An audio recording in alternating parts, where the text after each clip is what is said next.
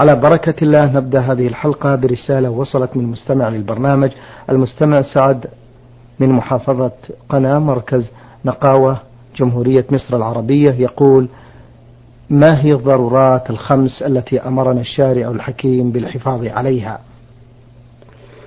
بسم الله الرحمن الرحيم الحمد لله رب العالمين وأصلي وأسلم على نبينا محمد وعلى آله وأصحابه أجمعين.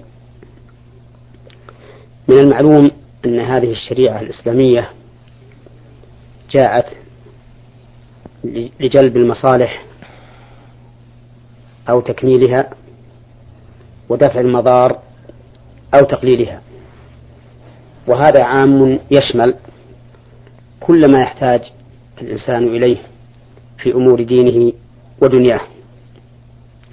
ولا ينحصر الأمر في الضرورات الخمس التي أشار إليها السائل بل هو عام لكل مصلحة سواء كانت تتعلق بالنفس أو بالمال أو بالبدن أو بالعقل أو بالدين. بل كل شيء تحصل به المصلحة أو يحصل به تكميل المصلحة فهو أمر مطلوب لا بد فهو أمر مطلوب. إن كان أمرا لا بد منه فإنه يكون على سبيل الوجوب. وإن كان أمرا دون ذلك فإنه يكون على سبيل الاستحباب. وكل شيء يتضمن ضررا في هذه في, أي شيء كان فإنه منهي عنه. إما على سبيل وجوب الترك وإما على سبيل الأفضل والأكمل. وهذه القاعدة العظيمة لا يمكن أن تنحصر جزئياتها وهي مفيدة لطالب العلم لأنها ميزان صادق مستقيم ويدل عليه آيات من كتاب الله عز وجل وأحاديث من سنة الرسول صلى الله عليه وسلم. فمن ذلك قول الله تعالى يسألونك عن الخمر والميسر قل فيهما إثم كبير ومنافع للناس وإثمهما أكبر من نفعهما. فهنا أشار الله عز وجل إلى أن في الخمر والميسر إثم كبير ومنافع متعددة للناس ولكن الإثم أكبر من النفع. ولهذا جاءت الشريعة الكاملة بالمنع منهما منعا باتا. في قوله تعالى يا أيها الذين آمنوا إنما الخمر والميسر والأنصاب والأزلام رجس من عمل الشيطان فاجتنبوه لعلكم تفلحون. إنما يريد الشيطان أن يوقع بينكم العداوة والبغضاء في الخمر والميسر ويصدكم عن ذكر الله وعن الصلاة فهل أنتم منتهون؟ ومن هنا نعلم أن من جملة الحكم التي حرم الله من أجلها الخمر والميسر والأنصاب والأزلام أنها توقع العداوة والبغضاء بين الناس وهذه مفسدة اجتماعية مع ما فيها من المفاسد الأخرى كالإخلال بالعقل والإخلال بالدين لأن الأنصاب والأزلام الأزلام تؤدي إلى المغامرة في الإقدام والإحجام والأنصاب شرك وأنصاب تعبد من دون الله عز وجل. ومن ذلك أيضا قوله تعالى ولا تقتلوا أنفسكم إن الله كان بكم رحيما. وهذا أمر بحفظ النفس ووقايتها من كل ضرر. ومن ذلك أيضا قوله تعالى وإن كنتم مرضى أو على سفر أو جاء أحد منكم من الغائط أو لامستم النساء فلم تجدوا ماء فتيمموا صعيدا طيبا فامسحوا بوجوهكم وأيديكم منه. فأمر بالتيمم في هذه الحال خوفا من الضرر أو استمرار الضرر بالمرض الذي يخشى من استعمال الماء فيه. ومن ذلك قوله تعالى في آية الصيام وإن كنتم ومن كان مريضا أو على سفر فعدة من أيام أخر يريد الله بكم اليسر ولا يريد بكم العسر. والسنة في ذلك أيضا كثيرة. منها قوله صلى الله عليه وسلم لعبد الله بن عمرو بن العاص إن لنفسك عليك حقا وإن لربك عليك حقا وإن لأهلك عليك حقا. ومن ذلك أيضا تأنيبه الذين قال بعضهم أصوم ولا أفطر وقال الثاني أقوم ولا أنام وقال الثالث لا أتزوج النساء. فقال صلى الله عليه وسلم أنا أصوم وأفطر وأقوم وأنام وأتزوج النساء فمن رغب عن سنتي فليس مني. والخلاصة أن هذه الشريعة الكاملة جاءت بتحصيل المصالح أو تكميلها وبدرء المفاسد أو تقليلها. نعم. بارك الله فيكم. المستمع من جمهورية مصر العربية يقول نشاهد البعض آه، في بلاد المسلمين يستأجرون قارئ للقرآن الكريم. هل يجوز للقارئ أن يأخذ أجرا على قراءته؟ وهل يأثم من يدفع له الأجر على ذلك؟ وهل قراءة القرآن على الميت حرام؟ إذا كانت بالأجر نرجو بهذا إفادة مأجورين. استئجار القارئ ليقرأ القرآن محرم ولا يجوز. وذلك لأن قراءة القرآن من العبادات التي يتقرب بها الإنسان إلى ربه. وما كان من باب القربات فإنه لا يجوز أخذ العوض الدنيوي عليه. ولا يجوز لأحد أن يعطي القارئ أجرا فيعينه على إثمه. لا سيما ما يفعله بعض الناس عند موت الميت يستأجرون قراء ثم يعطونهم من تركة الميت وقد يكون في تركة في تركة الميت وصية. وقد يكون له أيتام صغار وقد يكون عليه دين فتجدهم يأخذون من هذه التركة أموالا طائلة من أجل أن يقرأ القارئ يزعمون لميتهم.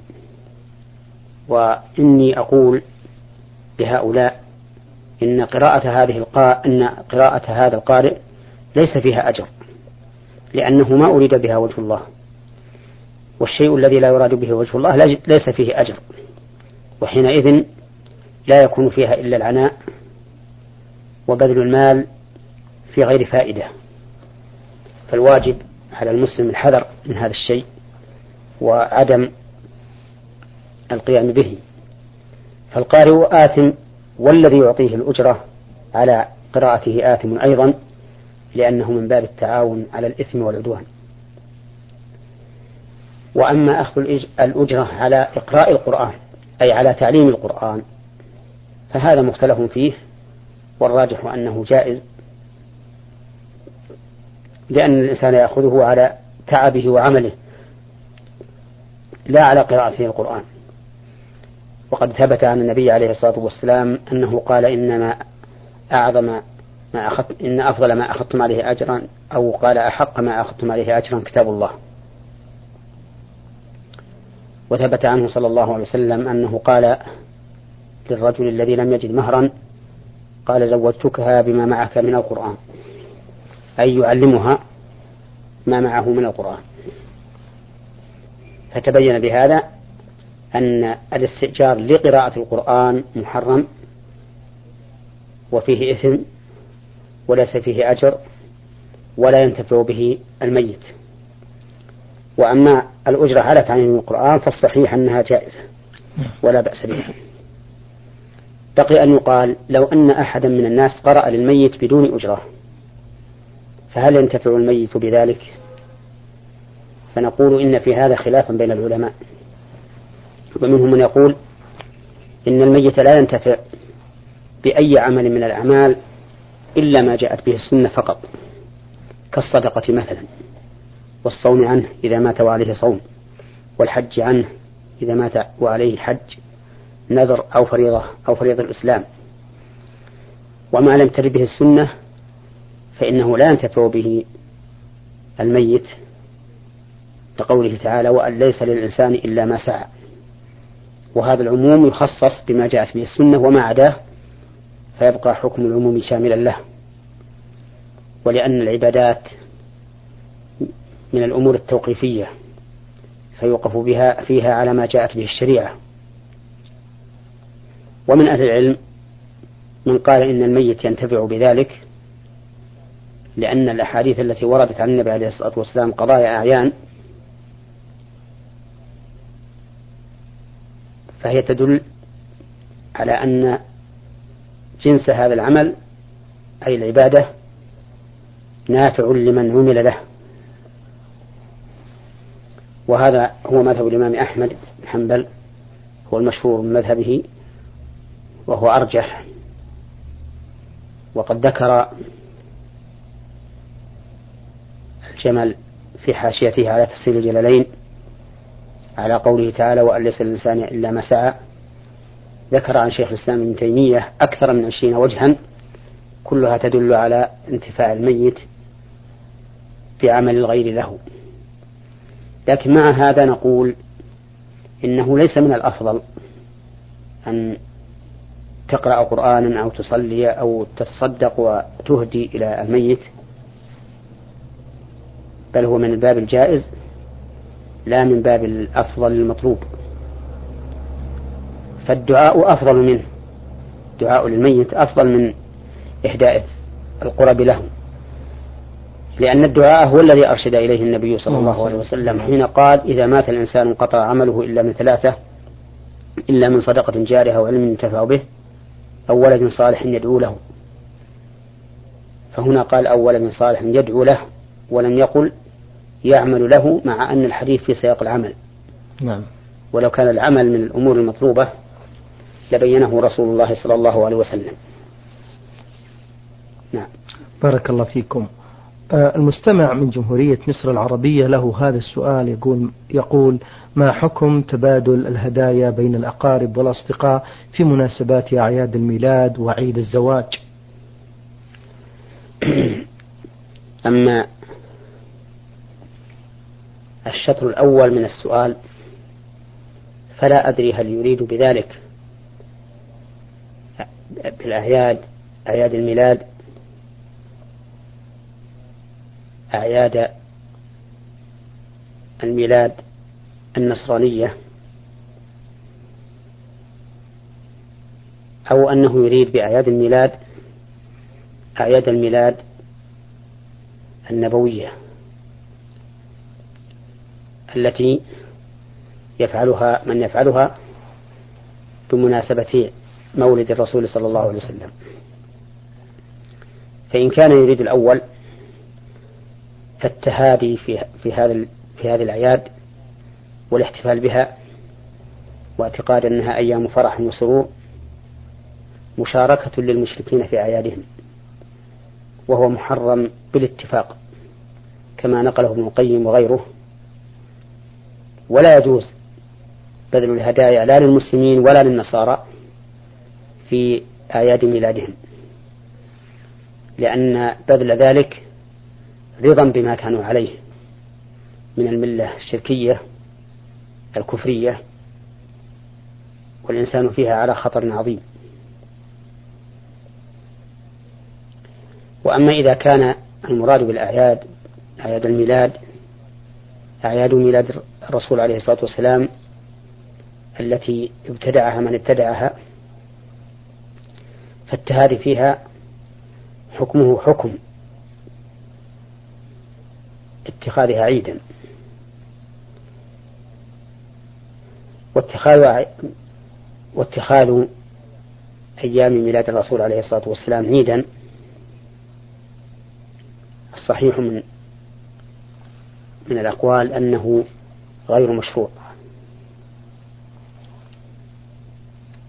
لأنه لم يحدث في عهد الرسول عليه الصلاة والسلام ولا عهد الخلفاء الراشدين ولا عهد الصحابة بعدهم ولا عهد التابعين ولا عهد تابع التابعين. وأول ما حدث عام ثلاثمائة وواحد وستين من الهجرة فصار الناس فيه ثلاثة أقسام. قسم مؤيد وقسم مفند وقسم مفصل. أما المؤيد فيقول إن هذا من باب إظهار فرحنا برسول الله صلى الله عليه وسلم وتعظيمنا له. حتى لا يقول النصارى إن المسلمين لا يحتفون بنبيهم ولا يهتمون به كما قال كما أشار إلى ذلك شيخ الإسلام ابن تيمية في كتاب اقتضاء الصراط المستقيم. فيكون استحسان ذلك من باب دفع اللوم عن الأمة الإسلامية. ومنهم من علل بأن هذا الاحتفال ليس إلا صلاة على إلا صلاة على رسول الله صلى الله عليه وسلم وثناء عليه وإحياء لذكره.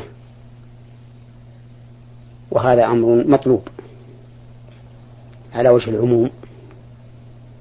وما كان مطلوبا على وجه العموم فلا مانع من أن نقوم به عند مناسبته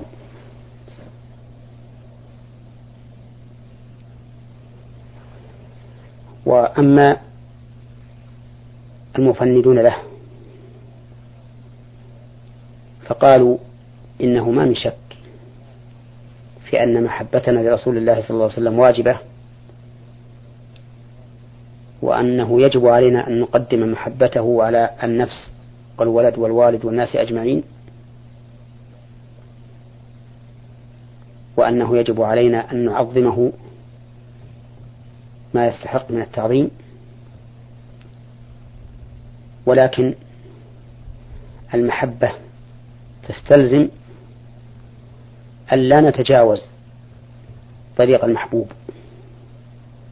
والتعظيم يستلزم أن لا نتقدم بين بين يديه وأن لا نسيء الأدب معه. فنلتزم بما شرع لنا من الشرائع. ولا نحدث في دينه ما ليس منه. ولا ريب أن الاحتفاء أو الاحتفال بمولد الرسول عليه الصلاة والسلام لا ريب أن فاعله إنما يقصد بذلك التقرب إلى الله عز وجل. والتقرب إلى الله تعالى عبادة والعبادة لا بد فيها من أن تثبت بدليل شرعي لأن الأصل في العبادات المنع إلا ما قام الدليل عليه. وادعاء أن هذا من باب إحياء ذكره وتعظيمه ودفع اللوم عن المسلمين منقوض ومدفوع بأن ذكر رسول الله صلى الله عليه وسلم على قلب كل مؤمن. في كل عبادة يفعلها. فإن العبادة لا بد فيها من الإخلاص لله والمتابعة لرسول الله صلى الله عليه وسلم. وحينئذ فكل عابد يريد أن يحقق العبادة فسيكون ذكر رسول الله صلى الله عليه وسلم على قلبه عند فعل كل عبادة من أجل أنه يشعر بأنه متبع لرسول الله صلى الله عليه وسلم فيها. وأيضا فإن ذكر رسول الله صلى الله عليه وسلم بما لم يشرعه ليست ليست بحميدة. وفي ذكراه بما شرعه ما يغني عن ذلك وأكثر.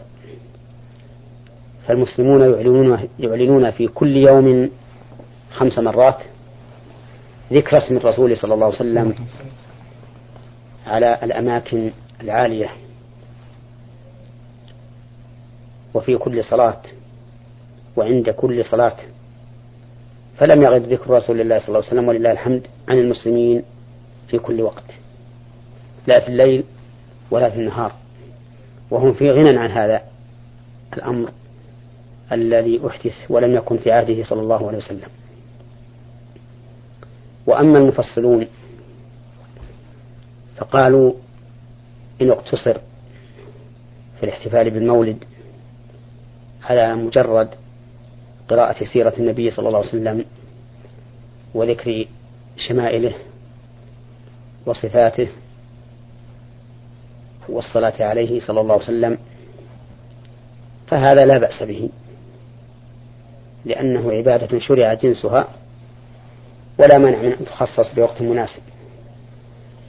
أما إذا كان في هذه في هذا الاحتفال ما يناقض ذلك من الغلو برسول الله صلى الله عليه وسلم وإنشاد القصائد التي قد تخرج الإنسان من الملة بالشرك الأكبر أو الخرافات التي يقوم بها من يحتفلون بهذا المولد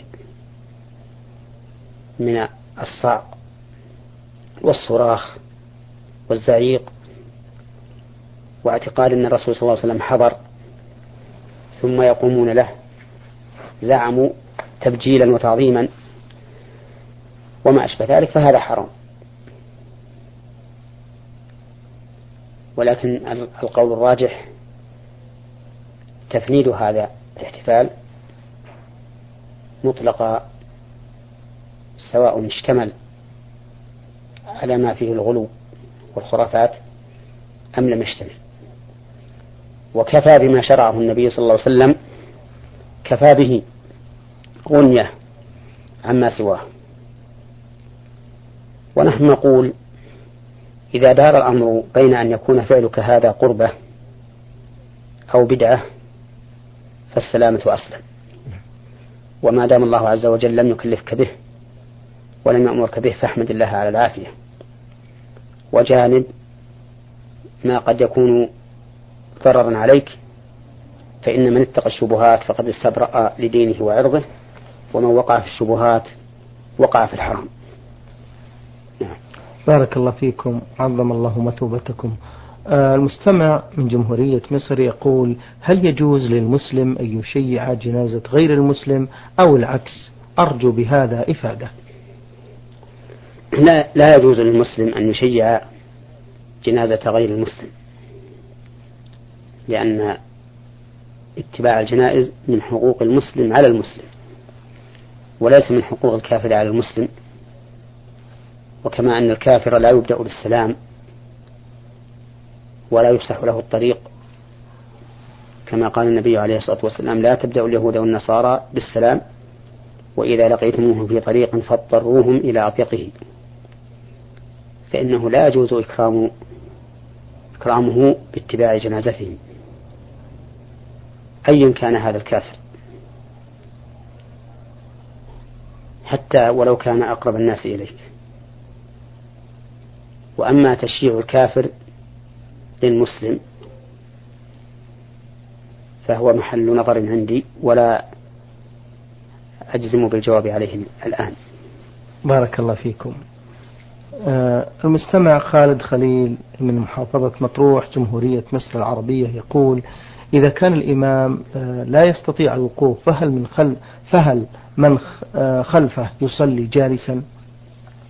نعم إذا كان الإمام لا يستطيع القيام وصلى قائدا من أول الصلاة فإن من خلفه يصلون قعودا لقول النبي صلى الله عليه وسلم إنما جعل الإمام ليأتم به حتى قال وإذا صلى قاعدا فصلوا قعودا أجمعين. والنبي صلى الله عليه وسلم صلى ذات يوم بأصحابه قاعدا وهم قيام فأشار إليهم أن يجلسوا. وهذا يدل على أن المأموم مأمور بمتابعة إمامه حتى في هذه الحال. أسقطنا عنه القيام وهو ركن من أجل تحقيق متابعة الإمام. كما يسقط عنه الواجب فيما لو قام الإمام عن التشهد الأول ناسيا فإن المأموم يتابعه ويسقط عنه التشهد الأول في هذه الحال. وبهذا عرف أن الإمام إذا كان لا يجلس للاستراحة فإنه لا يشرع للمأموم أن يجلس للاستراحة لأن في جلسته للاستراحة نوع تخلف عن الإمام والمشروع للمأموم أن يتابع إمامه فور انتهائه من الركن الذي انتقل منه ووصوله إلى الركن الذي انتقل إليه. ولا يتخلف. وبهذا تتم المتابعة. فيسقط الركن عن المأموم في القيام إذا صلى الإمام جالسا. ويسقط الواجب إذا تركه التشهد إذا ترك الإمام التشهد الأول ناسيا.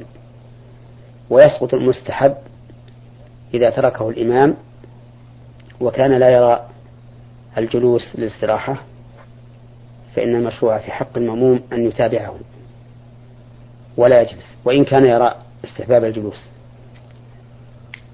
فإن قلت وهل مثل ذلك إذا كان الإمام يرى عدم رفع اليدين عند الركوع وعند الرفع منه وعند قيام التشهد الأول. والمأموم يرى استحباب ذلك. هل نقول للمأموم لا ترفع يديك كالإمام؟ فالجواب أن نقول لا ارفع يديك. نعم. لأن رفع يديك لا يقتضي مخالفة للإمام فإنك ستركع معه وتسجد معه وتقوم معه بخلاف الذي يقتضي المخالفة.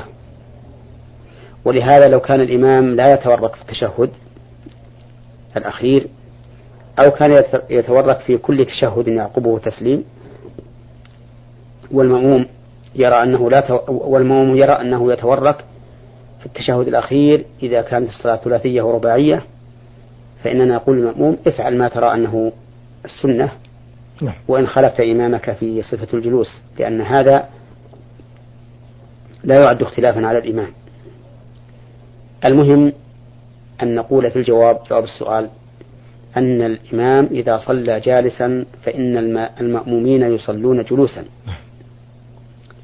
لأمر النبي صلى الله عليه وسلم بذلك ولأنه طبق هذا فعلا. حين صلى الصحابة خلفه فأشار إليه خلفه قياما فأشار إليهم أن يجلسوا.